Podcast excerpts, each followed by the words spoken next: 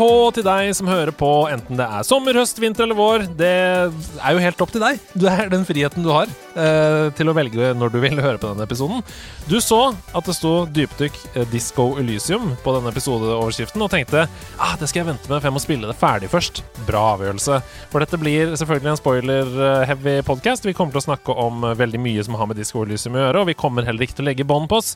Så hvis du eh, enda ikke har spilt det, og tenker vet du hva, jeg kommer aldri til å spille det spillet. Da er det helt greit. Hvis du har vært nysgjerrig, så gå og spill det før du hører videre.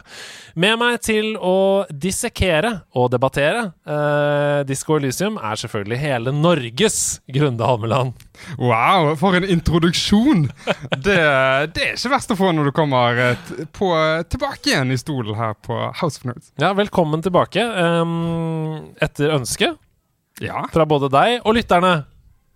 Ja, nei, altså De lytterne som i hvert fall uh, ikke ønsket meg tilbake, har ikke sendt meg melding. Så det Nei, men det er ikke tull. Det har jo vært uh, Det var flere på Discord som skrev sånn ah, 'Det er så gøy å høre på når Grunde er i studio, for han er så engasjert', og, så det er hyggelig. Det er veldig koselig å høre. Og det er jo et helt fantastisk community som etter jeg var her, jeg har blitt enda bedre kjent med. Og jeg det jeg liker ekstra godt, er når alle sender meg meldinger. Jeg får en haug med sånne små tips om spill jeg bør spille, og forskjellige ja. sånne ting. Så shout-out til alle dere som uh, har uh, våget å plage meg på Discord.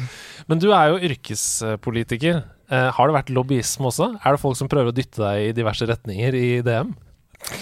Eh, det er i hvert fall til inspirasjon eh, fremover. Men eh, jeg er jo ganske vant til å bli utsatt for lobbyisme. Det er ja. stort, En stor andel av den arbeidshverdagen jeg har, er ja. å prøve å bli påvirket. Ja. Nei, men sånn er det jo. Du er jo folkets uh, mann på tinget. Så da er det jo Altså, nederlandslaget-discorden er jo et tverrsnitt av folket.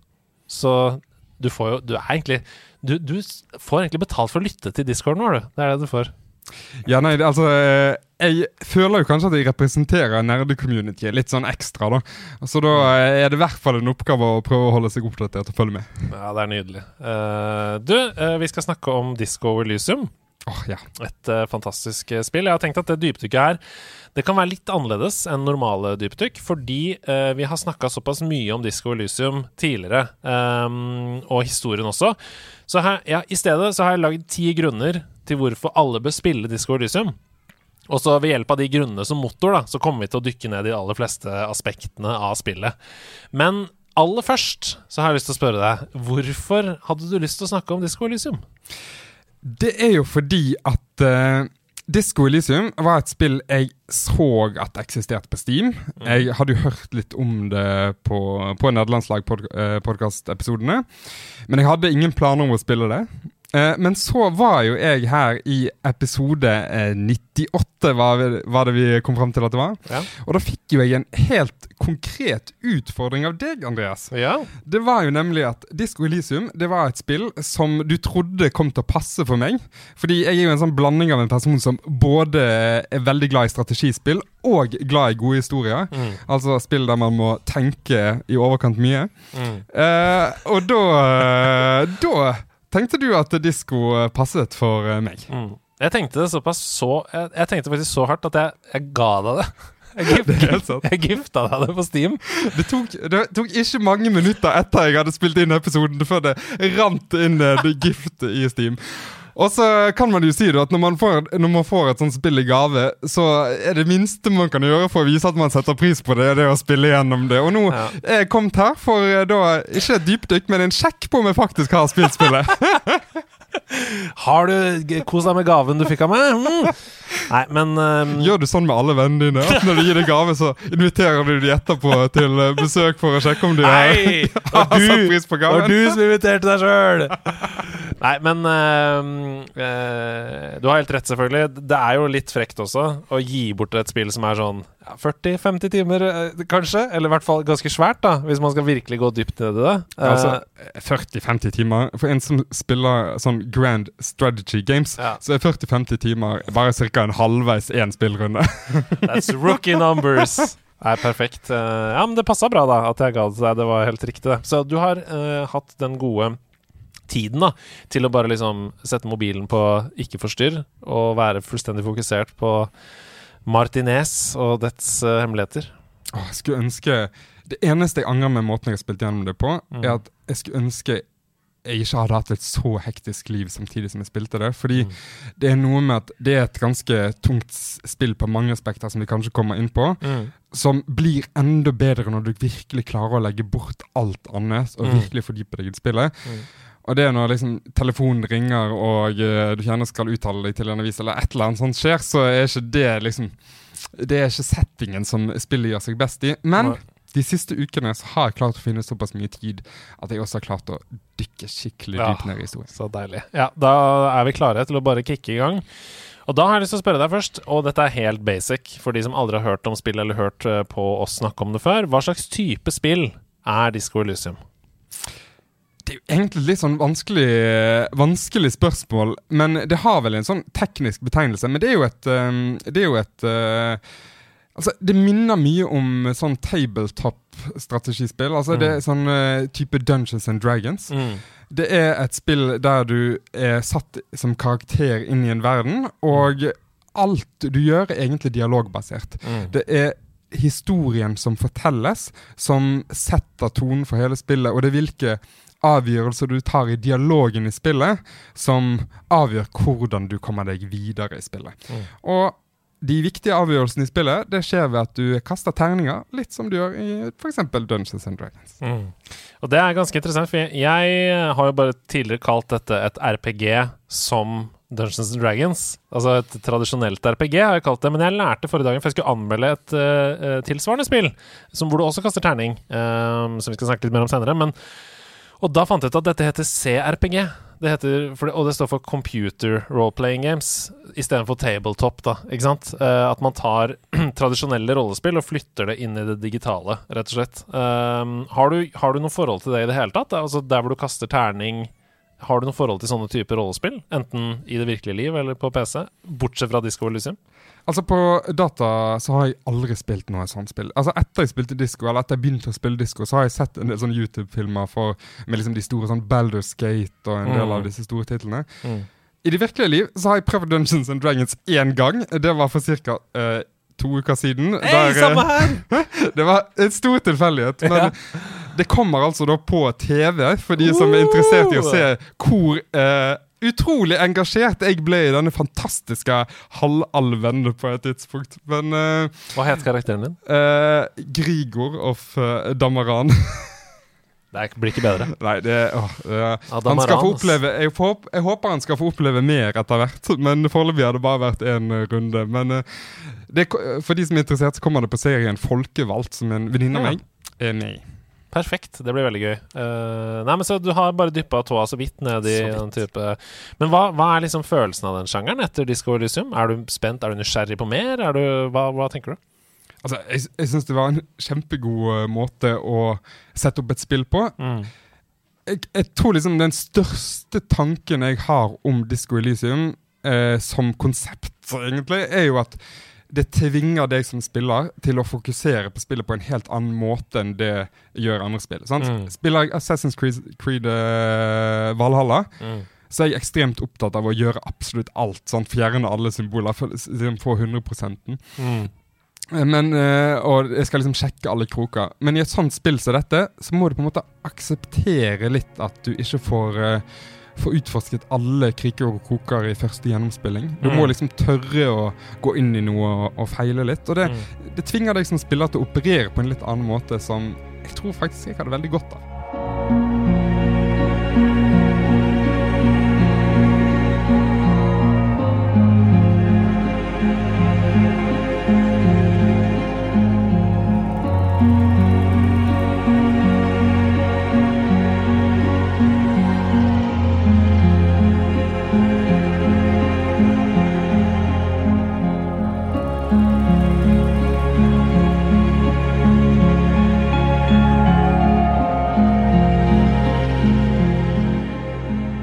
Da tror jeg vi bare kicker i gang og begynner på de ti grunnene til hvorfor du bør spille Disco Elysium. Og vi begynner jo da selvfølgelig i det helt basale.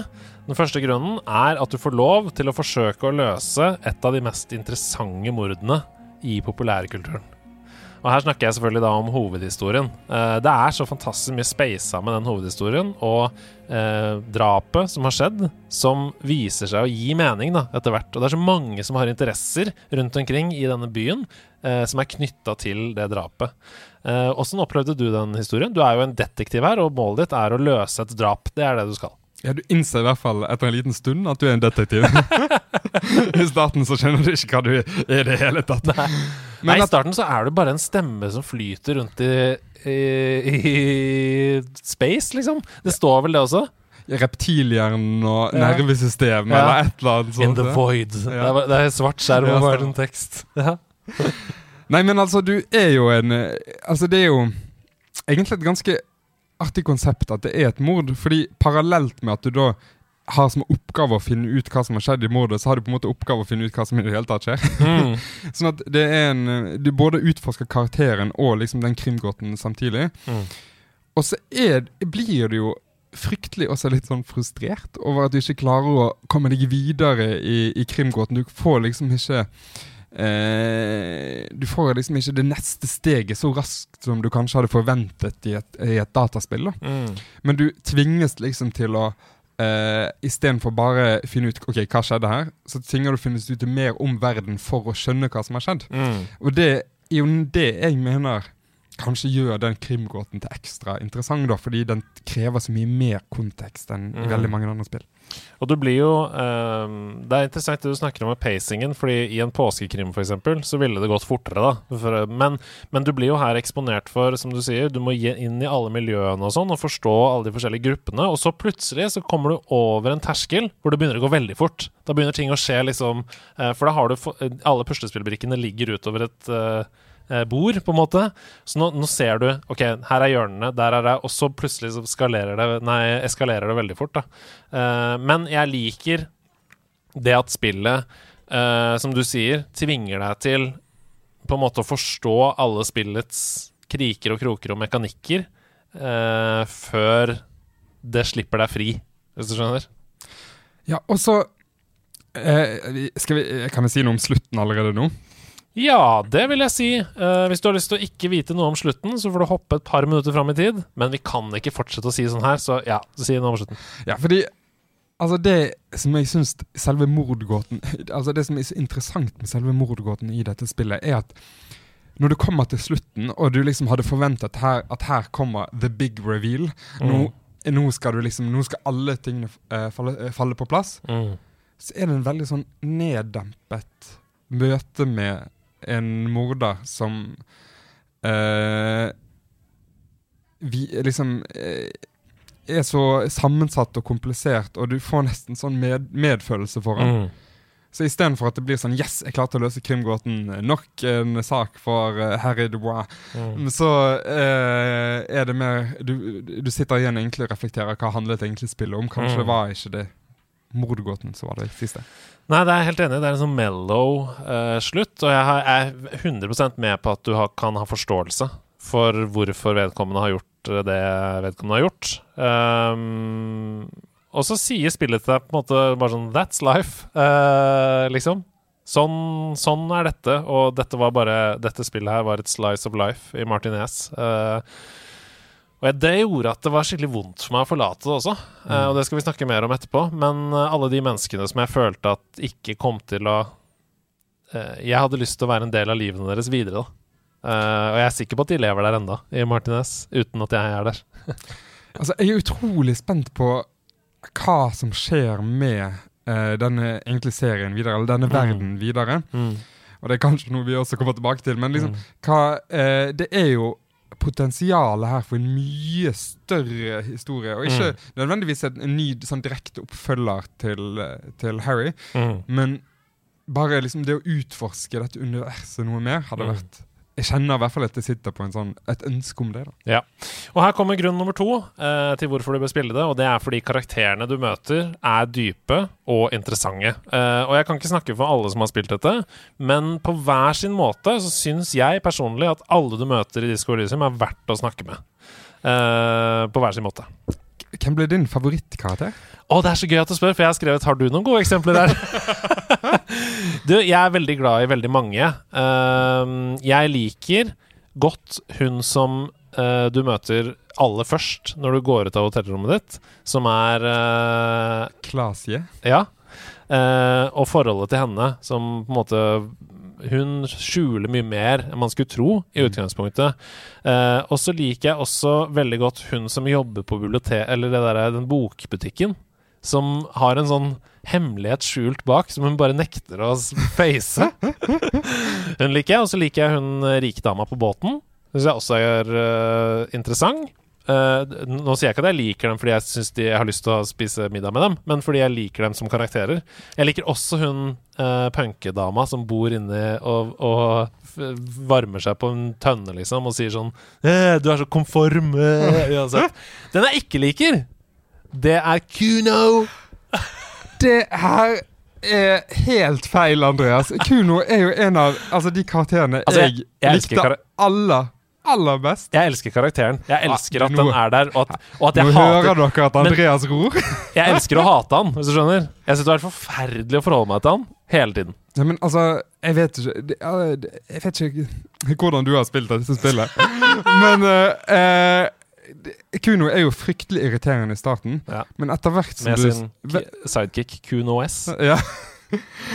og sine bukser han prøver å pushe på deg, eh, som jeg endte opp med å kjøpe og kle meg ut som. Ja. Men eh, eh, det Kuno eh, Kuno eh, representerer da egentlig spillet, etter hvert som du blir bedre kjent med han, var egentlig ganske sånn eh, hjerteskjærende for meg. Mm.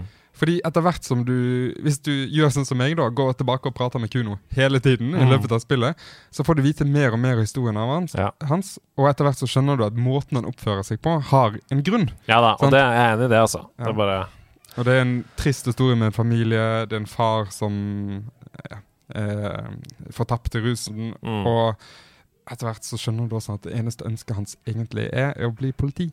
mm. Og så har jeg sett på YouTube, men jeg fikk ikke den slutten. Men på YouTube så har jeg fått forståelse for at det også går an å få en slutt der Kuno blir med deg. Oi! Ja, det har ikke jeg sett. Det har ikke jeg sett, nei. Men Det det, får dere faktasjekke etterpå. Men det, om det ikke jeg, jeg mener bestemt har sett dette på YouTube, hvis det ikke så har jeg drømt det. Men Ja. det, begge, det er likevel veldig gode Ja. Nei, og, og, og Kuno er jo en stor bikarakter som du forholder deg til ganske ofte. Men eh, jeg syns også det er interessant med bare de små bikarakterene. Sånn som nede ved mm, Der hvor det er en sånn ødelagt bro over til, eh, over til den andre siden. Fordi det er du som har krasja en bil gjennom. Der er det en sånn brukthandler eh, på den ene siden av gata, og på den andre siden så er det en eh, ulovlig svartebørshandler som handler i frakken sin, på en måte med sånn, noe stereoanlegg og noen sko og sånn som Ja. står der. Og begge de to syns jeg er veldig interessante på hver sin måte, selv om de bare er små bikarakterer i, i dette. For de, han- de bare prøver å overleve, liksom. Og han gamle fyren som spiller boll, og det er så mye fine folk. Som, som dør. Ja, Ja, det var fryktelig trist. ja det er veldig trist. Uh, så syns jeg uh, Hva er det hun heter? The Pig? The, ja! Uh, hun som uh, er blitt totalt gal, Ja. og du må prøve å få eh, pistolen tilbake fra Mm. på et tidspunkt. Hun som du møter oppe ved der, Ja, Mm. Det er også en karakter, så selv om hun ikke, du ikke snakker så mye med henne, det er bare et kort, egentlig ganske kort møte, Mm. men så bare ser du hvordan verden har ødelagt henne. Mm. Og det er et, egentlig et ganske godt bilde, sånn jeg ser det, på, på hele den verden da, som og den hi- historien som er bygget opp. Vi skal videre, men rave-gjengen i kirken er jo også fantastisk.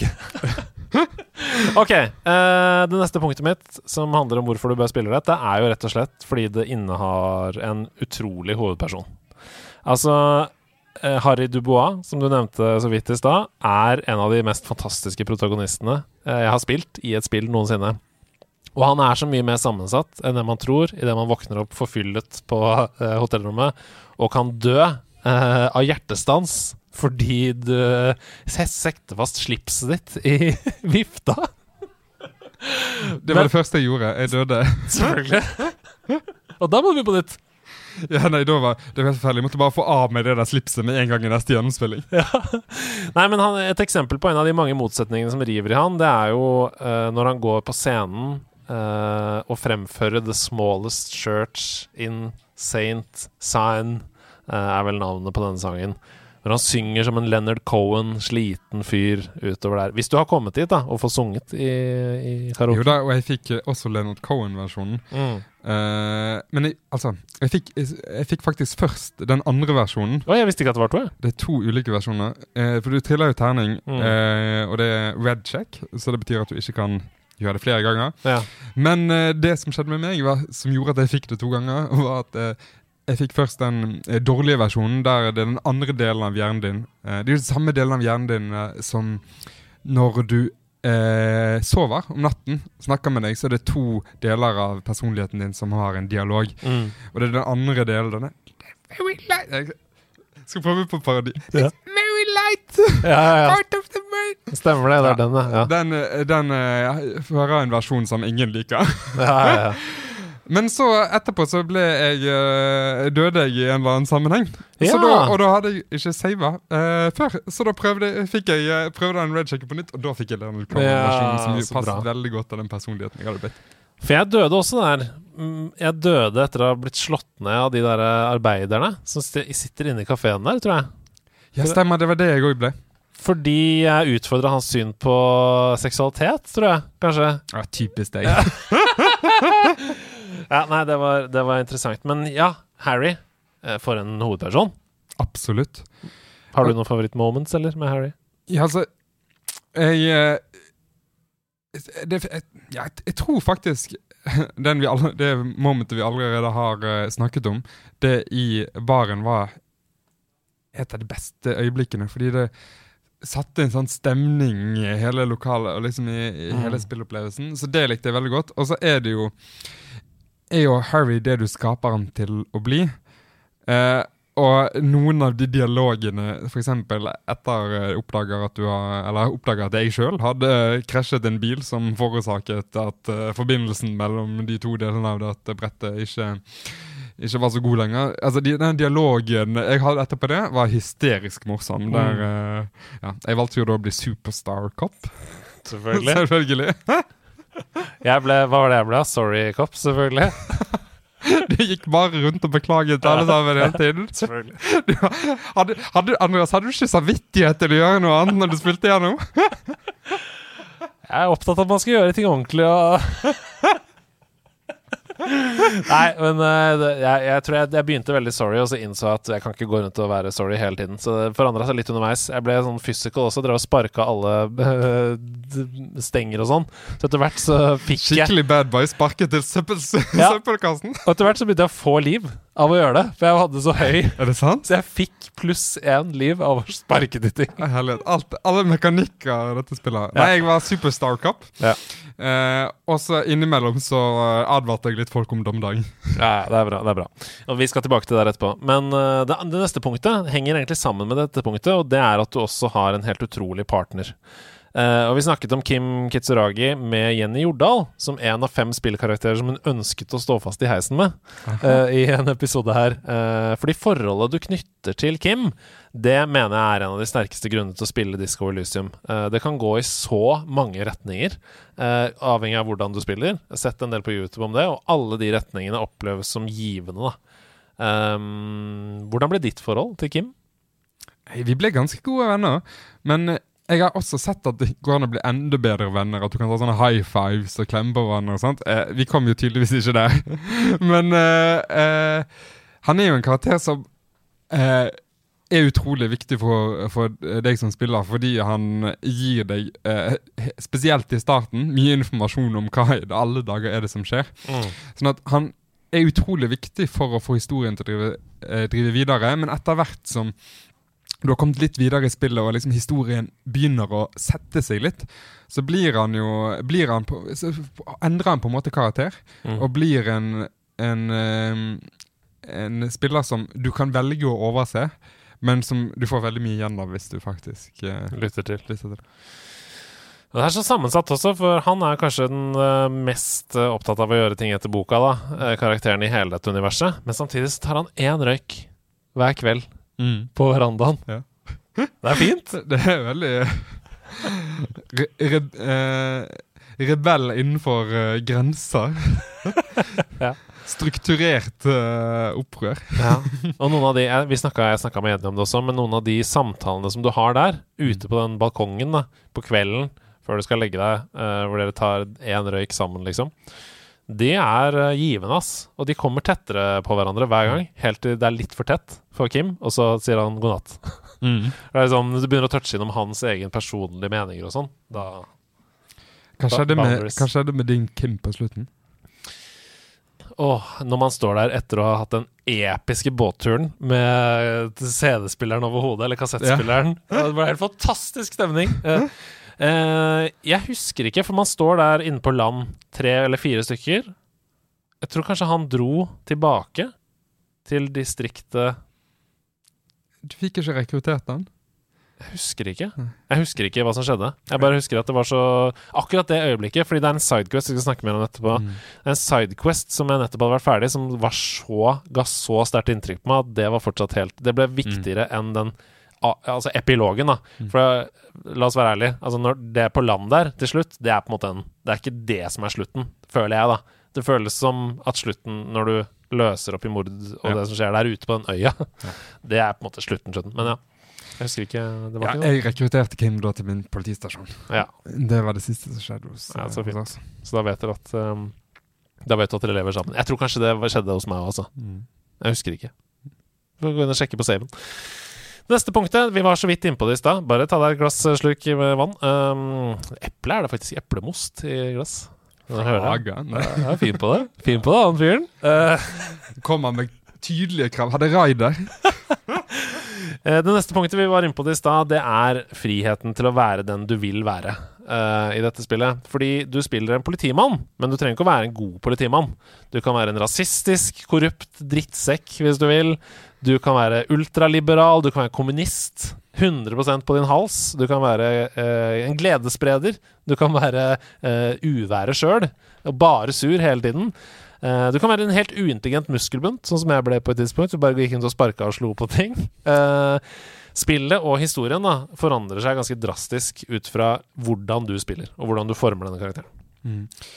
Og ikke bare Ja, altså alt, alt blir forandret. Og bare mm, Du har jo et eh, system som, eh, som Måten du bygger karakteren på, som gjør at eh, hvis du f.eks. er veldig fysisk, så er det en rekke dialogvalg du aldri vil få, Mm. fordi du har for dårlige karakterer på andre sider. Sånn at ekstremt Det, det, det er et ganske stort spill. Sånn at Nå har jo jeg bare jeg spilt igjennom én gang, eh, bortsett fra at jeg har dødd et par ganger, som har gjort at enkelte deler av spillet har blitt spilt på ulike måter. Men det er en stor gjenspillbarhetsverdi nettopp, nettopp på grunn av at uh, du skaper som jævlig din egen karakter. Selv om det er ganske, egentlig ganske låst, så Mm. oppleves det kanskje vel så fritt i dette spillet som mange andre spill liksom, som uh, eh, markedsføres som helt åpne, og der du kan ta dine egne valg. Mm. Så opplever jeg at dette spillet er vel så, er vel så åpent egentlig som mange av dine. Mm. Nei, helt enig. Og det du sier med gjenspillbarhet, er virkelig sånn Det er ikke bare en gimmick. Altså, det er sånn Det er som du sier, det, det er sidequests som ikke fins, på en måte. Hvis, hvis du har tatt eh, visse valg, da. Uh, og det er ganske unikt. Uh, I de aller fleste sånne uh, choose your own adventure-spill, så er det egentlig det man kaller bare en en omvei, på en måte. Altså, du kommer til samme mål, men du går forskjellig vei til det målet. Uh, mens her er det liksom ja, helt ulike mål uh, noen ganger, og det er interessant. Ja, og så er det sånn skal, um, For en som har hørt mye på denne podkasten, så har dere snakket veldig mye om eh, Elden Ring generelt. Men også om, om hva som gjorde Elden Ring unikt. Jo, at eh, du fikk ikke opp alle varslene om 'nå må du gå dit for å gjøre den tingen', eller 'nå må du eh, nå må du, du har så mange quests igjen, og så har du fått 100 sånn. Og selv om du her i dette spillet har en loggbok som viser liksom noen av checksene som, eh, som er åpne og mulige for deg å ta, Mm. så er det likevel ingen oversikt over liksom hele spillet som gjør at du eh, Du blir ikke stresset av at du skal klare å 100 det. Mm. Ja, det er veldig sant.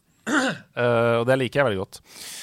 Hva, hva, du var så vidt inne på det, men hvordan ble din historie? Hvordan ble din Harry, og hvordan ble Ja, altså Jeg var jo da superstar cop, Ja. som eh, var en eh, person som er utrolig opptatt av at uh, uansett hvilken situasjon jeg kommer i, så er jeg ment til å være her. Jeg er stjernen. Jeg er den personen som alle har ventet på. Og endelig, endelig er jeg her. Og så hadde jeg litt innsmett da av at eh, når jeg da hadde kommet og overbevist alle om at endelig så kommer Harry, så måtte jeg bare advare om at snart kommer dommedag. dommedag, det kommer etter Harry. så det er sånn var min karakter. Jeg, jeg likte han ganske godt. Ja, Ja. Eh, så du, du, Etter hvert så får du et forhold til det. Så når dialogvalgene kommer, der jeg vanligvis jeg i spill da ønsker å utforske alle dialogvalgene, så klarte jeg å styre meg. Fordi jeg hadde jo ikke lyst til å plutselig bli han der fyren som bare beklaget hele tiden. For jeg, hadde, jeg kunne ikke beklage for at jeg var her. For det var jo meningen med alt at jeg skulle være her. Det neste punktet på lista mi Det er hyperinteressante sidequests og små hendelser eller aktiviteter. da Ting som skjer som ikke nødvendigvis er en sidequest, men som er veldig gøy likevel. Eh, hvis du vil, så kan du bare la den drapssaken ligge en stund eh, og gjøre helt andre ting. Du kan undersøke hva som skjuler seg bak et hjemsøkt bibliotek, som jeg nevnte i stad. Eh, hjemsøkt, i gåsehudene. Eh, du kan dra på jakt etter overnaturlige skapninger, som bare fins uh, ifølge to eh, vitenskapsmenn og kvinner. eh, et gammelt ektepar. Eller du kan forsøke å slå noen lokale i Boll, da. Uh, nede på torget der, for eksempel. Ja, altså, jeg gjorde jo alle disse tingene. jeg har brukt mye tid. Jeg, så, jeg, jeg har brukt tror jeg, mellom 50 og 60 timer på, Ja. um, på en gjennomspilling. Perfekt. Det er samme som meg, altså. Mm. Uh, det, jeg, føler at det blir sånn når man faller pladask for det og blir forelska. Så eh, Men- gi meg mer! Jeg har lyst på mer innhold. Men en av de sidehistoriene som jeg også har skjønt at det ikke er så veldig viktig for uh, progresjon i spillet, er når du kommer, kommer deg inn eh, bak i, i denne bokhandelen og Mm. kommer deg opp i dette hjemsøkte arealet, så møter du en eh, dame som eh, utrolig nok ingen har visst at var der, som lager terninger. Mm. eh, som er en veldig sånn ro, egentlig ganske rolig kar eh, karakter i denne verden, og liksom reflekterer litt over verden rundt. Eh, som, det føles ut som en litt sånn hemmelighet å finne noen. Mm. Som Men- en sånn all-knower. Altså, Ja. Hun sitter oppi tårnet sitt, liksom, og bare Ingen vet om henne, hun vet om alt. Yes. Og hun lager terninger. Ja, og det er jo en fantastisk gimmick Ja. i dette spillet, som jo er så til de grader inspirert av liksom tabletop-RPG-er. Mm. Og har da en uh, dicemaker i, i tårnet. Ja. Nei, det er veldig, veldig fint. Um, mange av de der historiene der, altså. Um, og det er, det er synd jeg mener, Altså, spillet er Det er det som er spillet. Uh, og du trenger ikke å finne alle eller fullføre alle. Uh, og du kan jo feile på ting. Altså eksempel raverne i kirken som jeg nevnte i stad. Uh, det er jo en kjempestor sidequest hvor du må gjøre 1000 ting for å få, få til å få det til til slutt. Og da skjer det jo helt ville ting inni den kirken. Men det er ikke alle som får oppleve det. Og de som får oppleve det halvveis, de tror jeg også har en god opplevelse med det. Mm. Det syns jeg er litt magisk. Absolutt. Rett og slett. Nei, jeg fikk de inn i kirken, da, men jeg klarte ikke eh, noe danseopptreden og den type ting. Men én sidequest jeg bare må nevne, det er som kanskje ved siden av Kuno var det liksom største inntrykket mitt fra spillet. Det var når du oppe i de leilighetene mm, liksom nord på kartet liksom, Mm. eh, Så er det mulig at du kommer inn og besøker en da, jeg, tror hun, jeg tror hun bare heter Working Class Woman. Mm. Som er bare liksom en beskrivelse av eh, hvordan noen personer i samfunnet blir oversett og blir liksom glemt. Mm. Som er bare et, Det er en bitte liten sidequest, men fullt med liksom veldig mye mening. Og en av de karakterene jeg liksom gikk og tenkte på veldig mye etterpå. Mm. Ja, det er det hotellet eller noe sånt? Eller er det et leilighetskompleks? Ja, det er leilighetskompleks, Ja, for det er sånn apartment der og der, og hun som går og koster. Er det hun du snakker om, Nei. eller?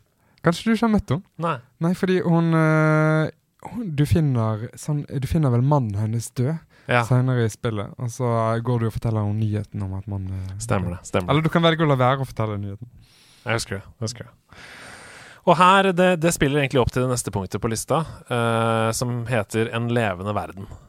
Fordi Martinez, som man, for, altså, som man lever i da, i dette spillet, føles helt utrolig ekte, syns jeg. All historien du finner underveis, kulturen, de små dryppene av fun facts opp igjennom, eh, innbyggerne som har bodd der tidligere, og som bor der, gjør at jeg syns det er vanskelig å reise derfra når jeg er ferdig med spillet. Det føles som et hjem nummer to, og at jeg eh, betyr noe.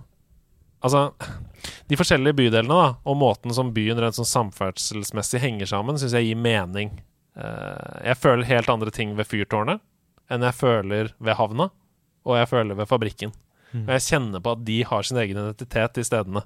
Og derfor, når jeg forlater det universet, så føler jeg at de karakterene som bor der, de syns det er et tap at jeg ikke spiller det lenger. Mm. Og det er så vondt. For jeg vil, være, vil fortsette å være sammen med dem. De savner deg. Ja, de gjør det! Og jeg savner dem. Jeg bare projiserer. Det er bare det jeg gjør. Det er jeg som savner dem. Ja, nei, men altså, det er jo en Altså, De har jo klart, som vi var litt inne på, de har klart å skape en historie som er mye større enn spillet. Mm. Sånn at du blir jo nysgjerrig, nysgjerrig på spillet. Og det, det er ikke det, Ja, det er kanskje det Det beste beskrivelsen på spillet er at det er underfortalt. Mm. Og det gjør at du forstår at det er en mye større, større verden. Du forstår at det er en mye større historie, men du får bare drypp, og du sitter igjen egentlig med litt sånn lengsel etter å vite mer. Mm. Det neste punktet, jeg, jeg tror det holder der, jeg, på det. Eh, Det neste punktet er eh, mer rett sånn gameplay-messig, fordi følelsen av at alt kan skje hele tiden, det syns jeg er en god følelse. Som regel så liker jeg ikke den følelsen, for jeg liker å styre min egen skjebne og kunne liksom påvirke og kontrollere, men fordi alt her er basert på terningkast, da, så føles det som at alt kan skje. Um, du kan til en viss grad påvirke de terningkastene med stats osv. Men til syvende og sist er det jo terningkast, og selv om du har 90% sjanse for å få det til, så kan du feile, liksom. Um, og det å feile, det kan et, Å feile et objektiv, da, fordi man kaster for lavt, det kan være like bra som å klare det noen ganger. Uh, historien vil være interessant uansett hva som skjer. Så det liker jeg veldig godt. Og her må vi i dette punktet her Så må vi også snakke litt om liksom gameplay-systemene som utvikler din karakter. Både det klassiske skill-treet, som vi kjenner fra alle RPG-er, men også det helt vanvittige tanketreet, hvor du bestemmer deg for å forfølge tanker og ideer. Ja, tankestrømmer som bare plutselig dukker opp, så får du en idé, og så kan du liksom velge. OK, jeg har fått en idé. Den er kanskje syk, men skal jeg forfølge den? Det tar tre og en halv dag. Ja eller nei? Bruker et skill point på bare følge en tanke. Vet du hva resultatet av tanken kommer til å være? Nei. Men uh, du må bare stole på, stole på deg sjøl. Ofte så får de jo nedsatte Ja. evner av å bruke energi på å tenke på disse tankene. Ja. Og så krysser du fingrene for at du får noe bra på slutten. Og da kan, det, da kan det bli bra. Du kan plutselig få fire poeng i et tre som du hadde lyst til, eller det kan gå dårlig. Det kan gå veldig dårlig. men det men det, det, er det som Altså, det, hele spillet er sært. Mm. Eh, og det at du har et uh, skill-tre, en sånn tankestrømmer som du ikke vet utfallet av, det er jo bare med på å bygge opp liksom at dette her er ikke et spill som er forutbestemt med én vei du skal gå, én måte du skal bygge karakteren din på, og du skal liksom Bare du oppnår eh, høyt nok nivå i eh, visual calculus, eller hva du kaller det, så, så vil du liksom klare å få progresjon. Mm. Du kan få progresjon i spillet på så mange måter med så ulikt evnesett. Mm. Er du glad i det RNG-aspektet? At det er tilfeldigheter og at det er terning? Eller liker du best liksom sånn eh, skytespill? Nå skal jeg skyte, og det er fordi jeg er god, at jeg treffer, ikke fordi det er tilfeldig. Altså, Jeg har ikke noe mot RNG. Kanskje det er fordi jeg er litt sånn dårlig i skytespill og sånn. Men uh, uh, altså, i mange av de liksom store strategispillene som jeg spiller mye, så er det jo veldig mye RNG. Fordi eh, ja, altså i et, i et strategispill der det er to tropper kjemper mot hverandre, så er det jo typisk at det er jo en form for terningkast i kampene. Selv om du har liksom bygget opp evner og har liksom har, i, har fordeler da i terningkastene, så er det jo til slutt en sånn RNG-element. Og jeg syns jo det gjør eh, spillene litt spennende. Mm. Eneste kanskje spillene jeg ikke liker eh, den type mekanikker, er jo eh, når du konkurrerer mot andre mennesker. Mm. Sånn som ja, så Ludo, for eksempel. Fryktelig fryktelig RNG-spill. Det er det beste eksempelet! Ludo. Jeg bare så for meg påskeferien helt ødelagt uh, i familien Holmeland. ja, vi spiller ikke Ludo. eh, Ikke Ludo der. Nei, Grunnen til at jeg kom på det, var fordi at jeg så Have House of Nerds, en helt fantastisk perlet ludobrett. Og det er derfor dette var det første jeg kom på. Det er veldig bra. Hei, kompetitive spill. Men Ludo har ødelagt mange familier opp igjennom det, altså, så det, det, det var helt eh, godt eksempel, det. Ja, det, vi har fortsatt kontakt. Det kan Ja, bra. Det. Neste punktet på lista mi Det er rett og slett temaene som tas opp. Eh, du snakka litt om det i stad, men Disko Elysium tar opp ganske mange alvorlige temaer. Eh, og det føles som om forfatterne ikke har holdt noe igjen. da på, Dersom de ønsker å si noe om det, så sier de noe om det. på en måte Eh, De er inne på rasisme her, de er inne på narkotika, både import og bruk. Voldtekt, klassereiser. Du snakket om Working Class Woman i stad. Og det oppleves heller ikke som om de temaene bare er plassert i spillet for å være sjokkerende i seg selv de er der fordi det er en del av livet. Og da kommenterer vi på det. Fordi dette er slice of life, det vi opplever. Kanskje det største underliggende temaet, som ikke oversnakkes i det hele tatt, det er temaet i Harry selv. Som er kampen om å finne mening med livet, rett og slett. Egentlig en kamp mot depresjon, da. Um, og jeg tror ikke man skjønner det før et stykke ut, at han er deprimert, rett og slett. Altså, han er jo fryktelig deprimert. Mm. Men, eh, og det er ganske mange Altså, jeg syns Den verden du plasseres i, i Reversjon og i, i Martinez, så er det jo er det jo Det er en verden som på en måte kommer etter veldig mye. Det jeg mener med det, er at det, du vet at det har skjedd noe stort i verden, og dette er liksom menneskene som lever på andre siden da, av en, enten en stor krig eller en stor konflikt. Og, liksom, og må leve med den verden som har blitt delvis ødelagt av generasjonene før, Bare gitt til dem. og gitt til de, og så må folk i ekstrem fattigdom eller i ulike former for vansker bare finne måter å klare å leve et liv. Mm. Uh, til tross for hvor utrolig vanskelig det er. Og Harry er jo kanskje et liksom, ekstremt godt eksempel på det. På, for en fyr som ja, på mange måter egentlig er vellykket i dette veldig eh, lite eh, vellykkede samfunnet. Mm. Og liksom har det mye bra, men likevel sliter.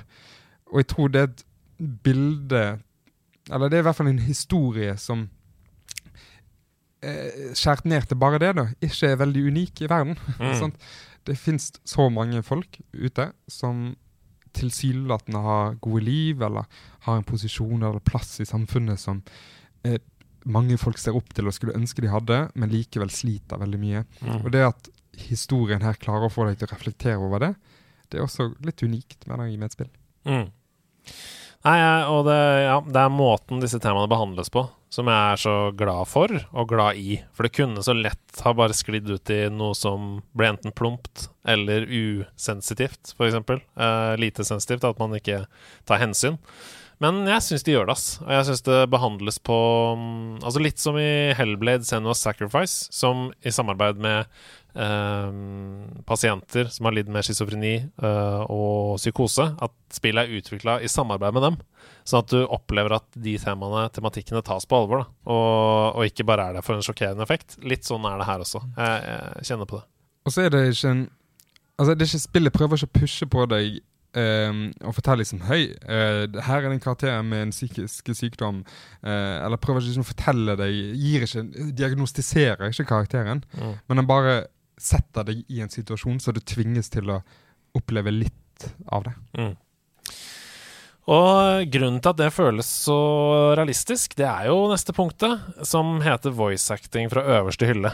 Um, at de i Disco Elysium The Final Cut har tatt seg bryet med å ha skuespillere som trakterer absolutt all teksten i et spill som er så teksttungt.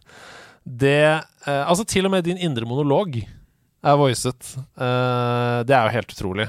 Dette spillet kom jo først i 2016, tror jeg. Og så kom det igjen i 2019, da med voice acting på alle eh, karakterene. Og ikke bare gjør det spillet mye, mye bedre. eh, eller var det i 2019 og 2020, kanskje? Det var det det var, tror jeg. Jeg tror det var det. 2019 og så 2020. Um, men det gjør også spillet mye mer tilgjengelig. For det hadde ikke vært så tilgjengelig hvis det kun hadde vært tekst. Jeg tror ikke jeg hadde klart å komme gjennom det. Nei. I hvert fall ikke eh, så fort. Eller, fall, et, eller jeg tror i hvert fall jeg hadde eh, ønsket å komme direkte på hovedhistorien litt Ja. raskere. Og komme, liksom, komme gjennom det. Mm. Fordi det er jo det er slitsomt å lese veldig mye eh, tekst som også har et såpass komplisert språk. Ja, for det er tung, tung engelsk med mye fremmedord. Mm. Og det har vært en del tilbakemeldinger på discorden også, at man må liksom sitte med ordliste på siden uh, for å forstå noen av tingene. Um, så ja. Men mitt tips egentlig alltid til eh, liksom, Hvis enten du leser mye bøker på engelsk, eller hva du gjør, glem litt ordlisten. Mm. Det, ofte så skjønner du ting ut av konteksten. Mm. Og bare aksepterer du at du ikke forstår alle ordene, så eh, har du ofte fått en litt bedre spilleopplevelse. Og så plutselig bare forstår du ordet. Veldig sant. Og ofte så forstår du jo, som du sier, at ordet er positivt eller negativt lada, f.eks.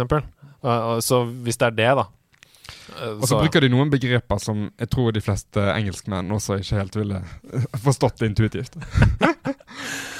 Nei, så det er, det er også en helt eh, fantastisk eh, ting med det. Um, er det noe du kjenner på at du har lyst til å kommentere på rundt Disco Elysium, som du har lyst til å legge til som en grunn til hvorfor man bør spille det?